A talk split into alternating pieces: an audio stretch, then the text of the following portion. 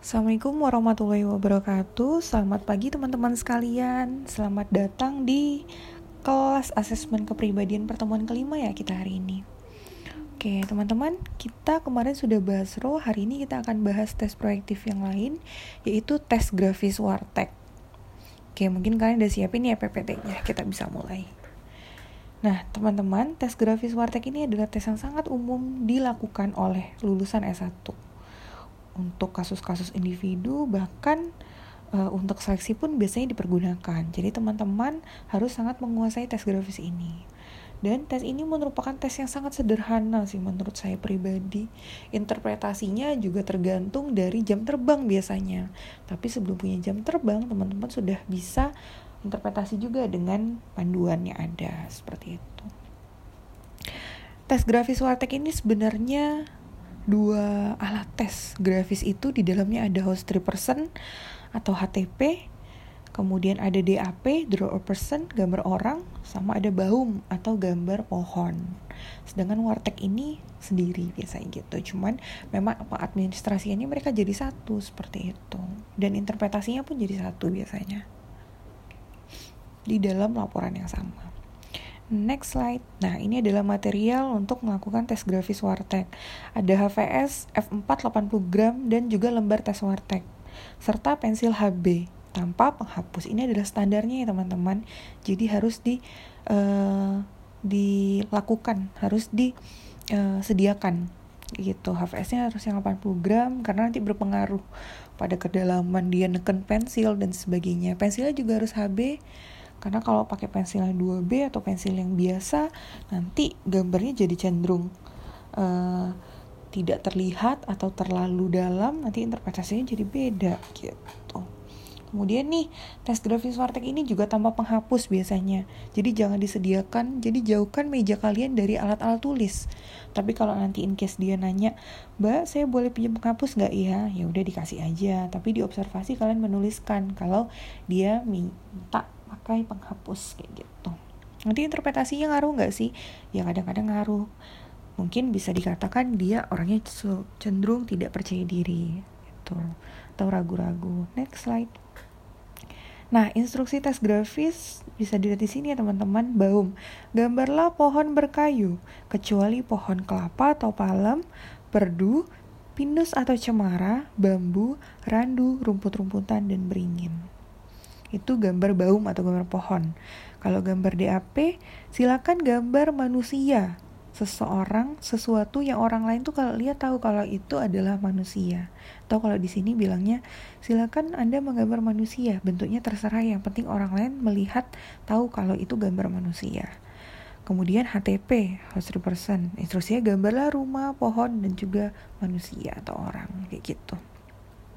Nah, uh, untuk pengadministrasiannya biasanya baum dulu teman-teman. Jadi minta dia untuk gambar pohon kemudian gambar DAP habis itu gambar HTP sebelum menggambar minta mereka untuk menuliskan identitasnya. Jadi misalkan nih uh, prakteknya tuh kalian udah nyiapin kertas dan juga pensil dikasih ke dia habis itu minta sebelum kita mulai tesnya, sebelum kita mulai menggambar, silakan menuliskan nama, usia, dan juga jenis kelamin di pojok kiri atau pojok kanan, terserah dia.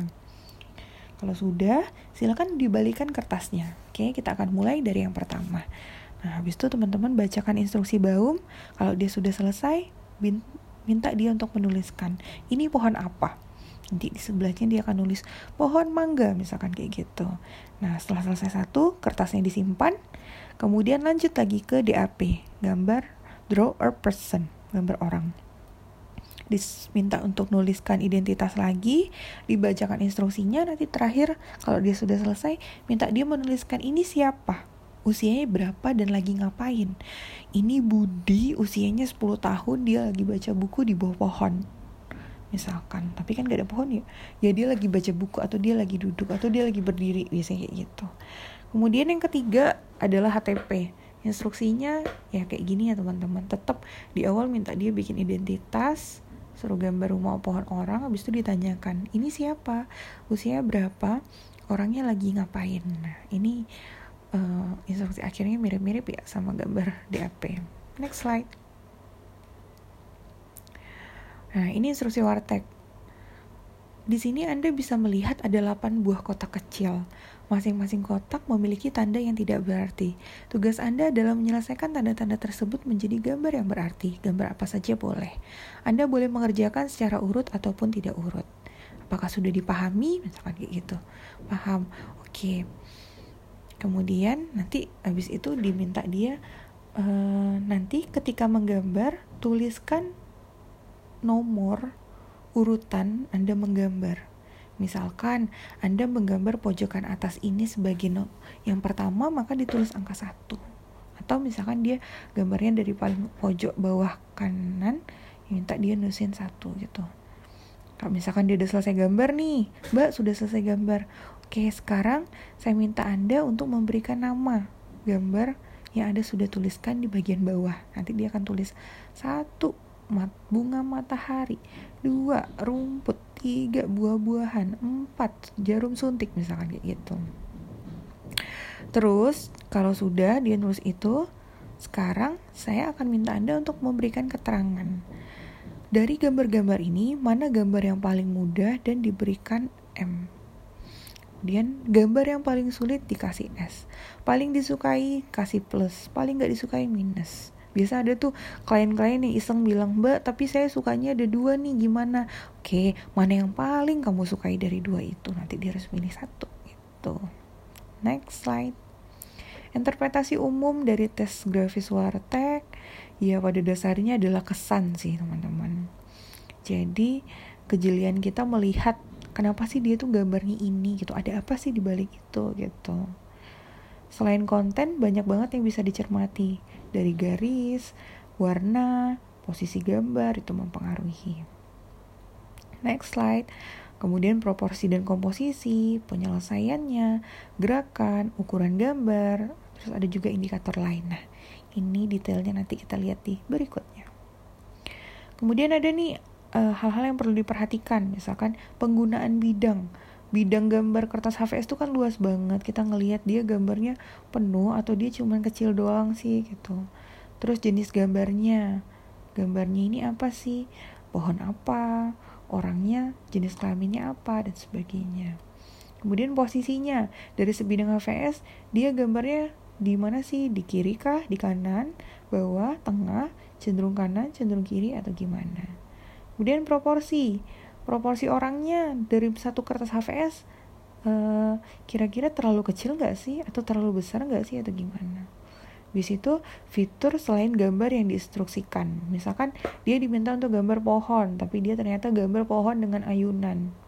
Nanti itu perlu untuk ditanyakan ini kamu gambar apa? Gitu. Kalau menanyakan apa gambar ayunan? Iya mbak soalnya dulu saya suka main ayunan misalkan kayak gitu. Berarti tidak ada makna yang terlalu perlu digali. Next slide penggunaan bidang, posisi kertas, penggunaan ruang, pemberian garis tepi keseluruhan. Next slide, ini Baum. Jadi Baum itu dikenalkan sama Emil Zucker. Emil Zucker. Dikembangkan jadi tes kepribadian sama si coach. Kemudian si Zucker ini menurutnya dia, menurut dia, pohon itu adalah proyeksi dari diri manusia. Benar nambahin kalau pohon itu adalah movement of life gitu. Jadi pergerakan hidup kita. Bagian akar itu adalah kita di masa kecil. Bagian uh, batang itu adalah kita di masa kini. Bagian mahkota itu kita di masa yang depan misalkan gitu. Kemudian next slide tes baum. Kenapa sih tes baum ini bisa jadi tes proyeksi? Karena pro, pohon itu adalah proyeksi diri manusia, yang kayak tadi sih, proyeksi kehidupan manusia. Gejala-gejala yang ada biasanya bisa dilepaskan pada pohon. nah, kertas itu adalah proyektor, proyeksi berlangsung tanpa disadari. Misalkan dia gambar pohon, kemudian ada akar, ada batang, dan juga ada mahkota. Akar itu biasanya mengindikasikan it-nya. Teman-teman pasti udah belajar it ego super egonya Freud ya. It itu di bat akar, kemudian di batangnya itu ego, kemudian di atas uh, mahkotanya itu super ego. Simpelnya nih gini, kalau misalkan kalian ngelihat ada seseorang gambar pohon kemudian mahkota itu gede banget coba dia tanyain gimana kamu di keluarga maksudnya uh, apakah di keluarga itu norma-normanya terlalu kuat dan dia harus menurut harus nurut sama keluarganya atau kayak gimana gitu? Biasanya kelihatan tuh super egonya lebih besar sekali. Atau ada yang egonya besar terus super egonya kecil. Mungkin dia tipikal orang-orang yang cenderung ke dirinya dia sendiri tidak mendengarkan orang lain dan sebagainya. Kenapa sih pohon dapat sebagai proyeksi? Dari sudut pandang kebudayaan pohon punya makna yang berlainan tiap pohon punya nilai proyeksi beda di Afrika pohon dianggap sebagai antropomorfisme hmm Nah, karena di masing-masing budaya itu berbeda sehingga ini bisa untuk jadi salah satu tes proyeksi gitu. Next slide. Variasi gambar pada baum, ada nama pohon, biasanya mereka nulis pohon mangga, pohon pisang, pohon apa gitu. Kemudian jumlahnya, kita memang mintanya menggambar satu. Tanpa bilang kita tanpa kita bilang satu sih. Tapi nanti mungkin ada yang gambar dua atau ada yang gambar hmm, ditambahin dengan jenis-jenis pohon yang lain misalkan gitu. Kemudian ada buah dan bunga terus ada juga yang gambar pohon hidup atau pohon mati. Pohon mati itu misalkan pohon yang sudah tumbang misalkan gitu. Terus pemandangan. Ada nih yang suka gambar di belakangnya gunung-gunung atau dia menambahkan matahari dan awan gitu. Habis itu ketertarikan antara ketertarikan keterkaitan antara fitur. Jadi apakah buah pohon batang itu satu kesatuan atau enggak? Maksudnya dia itu menjadi bisa dikatakan pohon mangga ketika ya ada batang ada akar eh ada akar ada batang ada mahkota ada buah mangganya ada bunganya kayak gitu kalau misalkan bunganya di tempat lain nggak di pohonnya ya mungkin itu jadi nggak ada keterkaitan kayak gitu next slide Interpretasi gambar pohon itu bisa dilihat dari formal analysis, content analysis, dan juga graphologis. Next slide.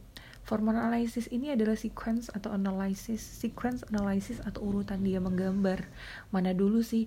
Apa dia gambar batangnya dulu, atau dia gambar uh, akarnya, atau dia gambar buahnya dulu, dan sebagainya itu ditulis sequence-nya. Kemudian perbandingan gambar. Biasanya uh, gambar pohonnya gambar hmm, buahnya lebih sedikit gak sih daripada bunganya dan sebagainya. Misalkan kayak gitu ya. Ukuran gambar content analysis dari lokasi gambarnya. Dia ke kiri banget atau dia ke atas atau ke kanan atau ke bawah atau dia cenderung kiri cenderung kanan dan sebagainya. Gerakan terus bagian-bagian yang dihilangkan. Misalkan dia tidak menggambarkan akar interpretasinya tuh kalau dia gambar akar biasanya dia cenderung bergantung sama lingkungan. Sedangkan kalau dia tidak menggambar akar biasanya dia jadi dia lebih dewasa gitu dia tidak bergantung.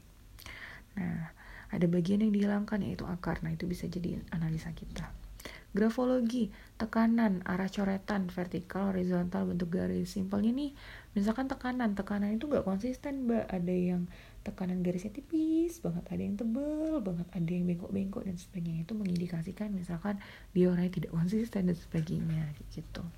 Next slide. Sequence analysis. Gambar pohon secara keseluruhan mana yang digambar lebih dulu mana yang tampak lebih dominan mahkota batang atau akar. Ini mana yang lebih dulu itu nanti kalian tulis uh, batang uh, daun poh buah misalkan. Terus mana yang tampak lebih dominan?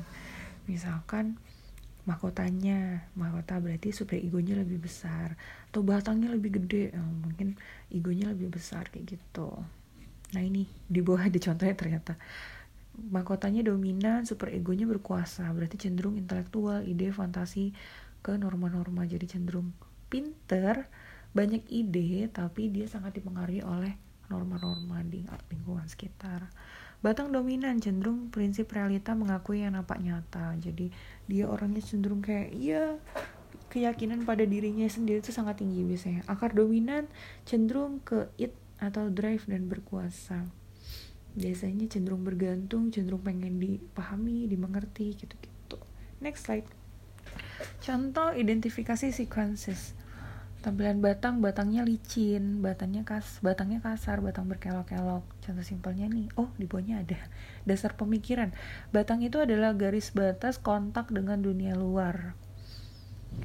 Permukaan atau kulit atau tampilan gambar berarti sikap individu dalam berhubungan dengan dunia luar. Misal nih batangnya licin, berarti dia orangnya sensitif, tetapi rangsangan dari luar tidak mudah menimbulkan masalah. Misalkan nih dia sensitif sih, tapi misalkan ada orang yang nggak suka sama dia terus bilang nggak suka sama kamu, ya dia biasa aja gitu. Beda sama yang batangnya kasar. Batang kasar tuh kalian kalau misalkan gambar batang terus ada kalian shading dikit-dikit itu namanya batang kasar Nah, beda sama yang batang kasar, dia sensitif, rangsangan dari luar gampang banget jadi masalah buat dia. Kemudian batang tiga dimensi, derajatnya tinggi, batang berkalkal dan sebagainya, jadi ada interpretasi masing-masing. Next, perbandingan gambar. Skema proporsi gambar antara batang dengan mahkota biasanya ada cenderung ke kanan. Apa tuh? Ada kecenderungan ke kanan garis besar perbandingannya kurang lebih itu gini. Usia 6 sampai 7 tahun pohon ditampilkan dengan batang lebih panjang. Ini 21,5 tuh ukuran sentimeternya. Tapi ini gak begitu penting sih kalau untuk yang yang kayak gini. Cuman nanti misalkan nih teman-teman uh, minta ngelakuin tes untuk anak umur 6 tahun gitu. Terus kalian mau memastikan kenapa digambar kayak gini ya gitu. Nah kalian mungkin perlu lihat ini gitu. Kan oh ternyata untuk anak-anak umur 6 sampai 7 tahun itu normal loh. Punya batang yang ukurannya segini tingginya segini ininya segini gitu. Ukuran pohon besar banget memenuhi bidang atau sedang cukup dan juga kecil banget kecil. Next slide. Nah ini tadi umur 6 7 8 next slide. Oke interpretasi fitur pohon. Interpretasi bentuk dan fitur pohon ada banyak dapat dilihat pada panduan interpretasi. Oke kayak gitu ya teman-teman. Tapi seru banget kok percayalah. Kemudian tes DAP, Draw Person, lebih sulit daripada Baum. Oleh karena itu, tes ini sangat ideal untuk melihat citra diri subjek. Jadi bagaimana dia melihat dirinya dia sendiri. Kalau gambarnya bagus, ya mungkin dia citra dirinya baik. Atau kalau gambarnya tidak bagus, mungkin citra dirinya jelek. Kalau gambarnya lengkap, ya mungkin citra dirinya baik. Kalau gambarnya tidak lengkap atau ada yang dihilangkan, misalkan dia tidak menggambar hidung, dia tidak menggambar telinga gitu, mungkin citra dirinya ada yang ada yang negatif kayak gitu. Ada beberapa indikator interpretasi wajah menunjukkan perhatian, penampilan, tangan kaki mengarah pada kemampuan ngelakuin sesuatu, baju, aspek kepekaan, posisi tubuh, kemampuan, jumlah orang ke kepercayaan diri. Contoh simpelnya ada orang yang menggambar, ada yang menggambar orang kayaknya kakinya tuh letoy gitu. Letoy itu apa ya? Kakinya tuh nggak tegak jejak gitu. Nah, bisa jadi dia tidak yakin dengan kemampuan dirinya dia gitu. Atau ada yang gambar terus bahunya kecil banget nah, itu. Dia tidak yakin atau kepercayaan dirinya mungkin buruk kayak gitu. Next slide. Variasi gambar jenis kelamin. Nah, kalau misalkan jenis kelaminnya berbeda, teman-teman harus bertanya, kenapa gambarnya uh, ini siapa gitu, ini si ini. Hmm, kalian mungkin bisa menuliskan di lembar observasi uh, perlu untuk didalami kenapa jenis kelaminnya berbeda misalkan. Atau kalian misalkan diminta untuk menggali berarti kalian nanya kamu lebih dekat sama ayah atau sama ibu? Misalkan sama ayah. Kenapa? Mungkin dia punya pemaknaan beda sama jenis kelamin lain. Contohnya klienku dia menggambar laki-laki padahal dia perempuan. Terus aku nanya sama dia e, kamu dekat sama ayah ya? Nggak dekat sih mbak. Menurutmu laki-laki itu gimana sih?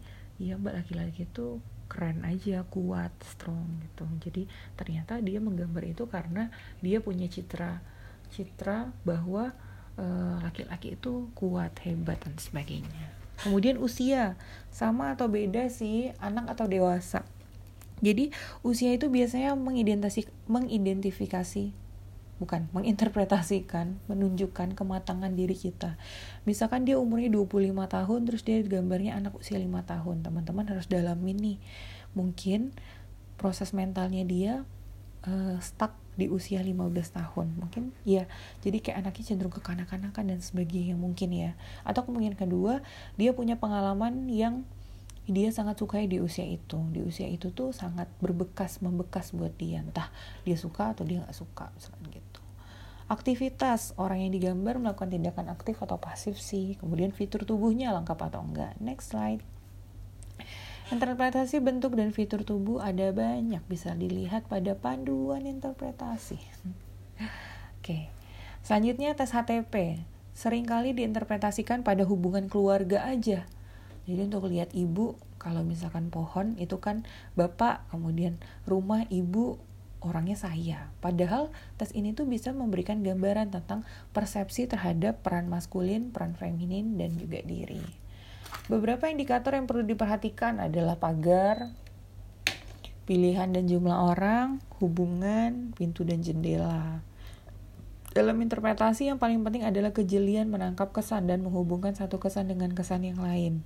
Usahakan selalu menuliskan positif Usahakan selalu menuliskan positif dan negatif dari suatu karakter individu.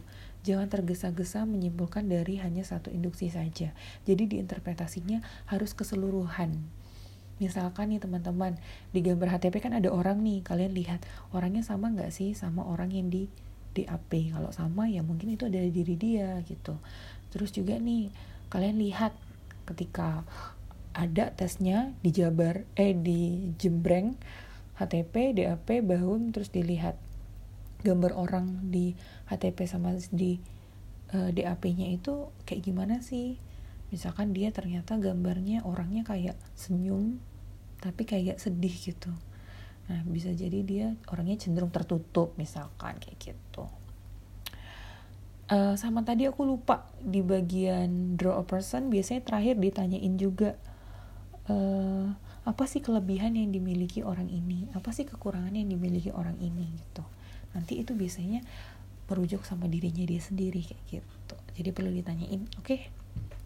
Next slide, posisi menghadap ke depan, ke samping, ke belakang atau keluar. Biasanya kalau menghadap keluar, mungkin dia ini orangnya cenderung apa ya, me menghargai atau cenderung senang berinteraksi dengan lingkungan sekitar daripada ke keluarganya sendiri misalkan gitu. Terus orangnya duduk atau berdiri letaknya di mana posisi dengan gambar melebih atau melewati kertas atau enggak tuh next slide.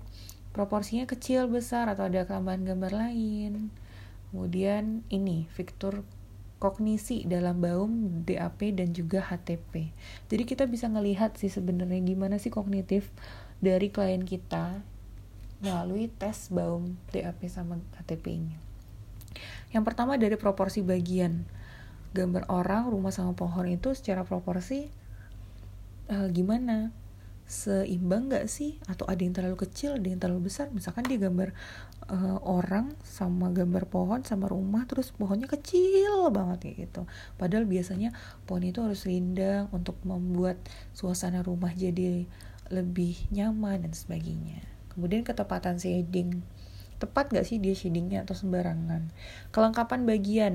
Dia gambar orang ada kakinya gak sih? Ada tangannya gak sih? Kemudian dimensi gambarnya. Dan juga logika gambarnya. Next slide. Fitur sosial. Pada baum kelihatan nih di batang. Ranting di daun kemudian di stem di mata. Kok mata? Oke dia aku hapus Kemudian pada DAM, draw a man atau draw a person, dari keterbukaan tangan. Misalkan tangannya terbuka berarti dia orangnya mungkin sangat ekstrovert gitu. Aktivitasnya, wajahnya, mulutnya. Pada HTP komposisi bagian, keseimbangan, arah, dan sebagainya. Pada wartek garisnya, isi gambar, penggunaan ruang, hubungan stimulus dengan gambar, dan sebagainya. Next, fitur emosi. Pada bau bisa dilihat di posisi ekstrem posisi ekstrim tuh contohnya apa ya? Dia menggambar batang uh, terus ada daun mahkota daunnya sampai ujung ujung sampai memenuhi ruang gambar. Ada apa ya kira-kira ini gitu. Kemudian ukuran gambar kualitas garis proporsi bentuk daun semuanya bisa dia nunjukkan emosi DAP juga gitu wartek juga gitu. Hmm, next slide wait Nah, tadi udah DAP, HTP, kemudian Baum, sekarang kita masuk yang ke Warteg. Nah, Warteg ini dikembangkan oleh si Warteg, Eric Warteg pada tahun 1930. Tes proyeksi sederhana yang berupa setengah kertas ukuran A4 dengan 8 buah kotak yang dibatasi garis tebal. Next slide teman-teman. Nah, itu adalah contoh gambarnya.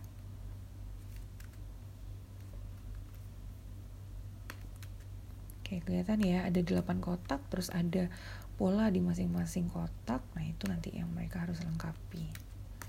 Balik lagi ke slide sebelumnya. Tes proyeksi sederhana, eh, dalam setiap kotak ada rangsangan tertentu yang masing-masing kotaknya memberi kesan spesifik yang beda-beda. Testi diminta untuk meneruskan rangsangan yang ada pada tiap kotak agar bisa jadi gambar yang bermakna. Next slide, next slide.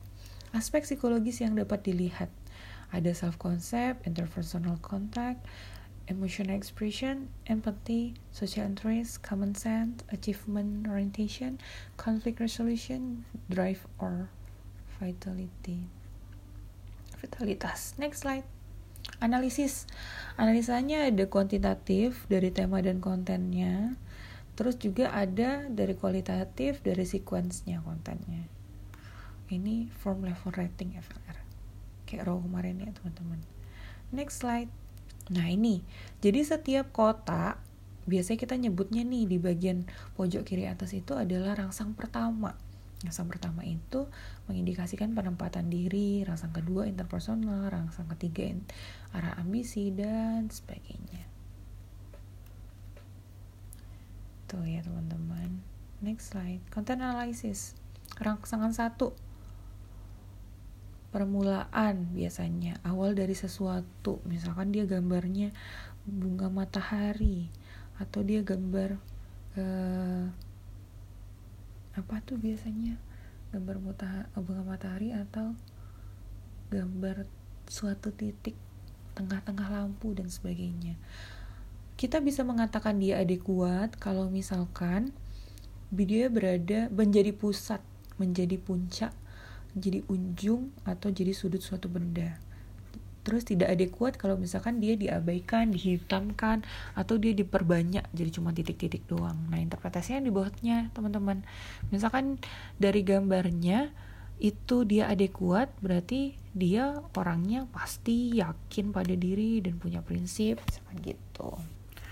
Kemudian yang kedua juga sama ya teman-teman. Jadi dilihat Kalian yang menentukan gambar itu adekuat atau tidak adekuat, kemudian baru diinterpretasikan. Next slide. Sama ini content analysis. Oke. Okay. Next slide lagi. Matriks kualitas garis WTZ. Ciri garisnya gambar penuh, melebar,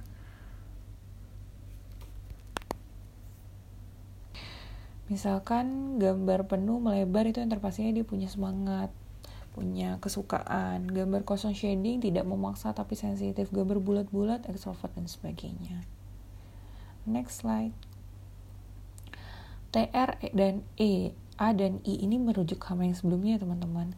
Kalau misalkan TR dan contohnya ini TR dan E. TR itu kan e, gambar penuh melebar E itu gambar kosong dan shading. Itu mengindikasikan ujungnya apa? Vitalitas itu. A sama I penyesuaian terhadap lingkungan dan sebagainya. Next slide. Sequence analysis. Kalau dia bikinnya nih dari atas pojok kiri atas itu berurutan berarti dia orangnya cenderung kaku, tidak fleksibel. Kalau dia gambarnya paling atas itu 7, 5, 3, 1, 8, 6, 2, mungkin dia labil, tidak terkendali dan sebagainya gitu ya Kemudian nih teman-teman, misalkan dia gambar yang pertama kali itu adalah rangsang tiga. Kita balik lagi ke slide sebelumnya. Rangsang tiga itu tentang ambisi atau dorongan. Ya berarti dia sangat berambisi. Misalkan dia gambar yang paling terakhir itu adalah gambar yang rangsang delapan. Bisa jadi itu mengindikasikan kalau dia sulit berinteraksi dengan orang lain adaptasi sosialnya jelek misalkan kayak gitu. Oke? Okay? next balik lagi kita ke slide 40 stimulus mekanikal kompleks lurus tanda. Nah ini teman-teman uh, kotak 3, 4, 5, 6 misalkan. Itu kalau misalkan dia gambarannya adik kuat berarti dia maskulin. Kalau nggak adik kuat lemah misalkan kayak gitu.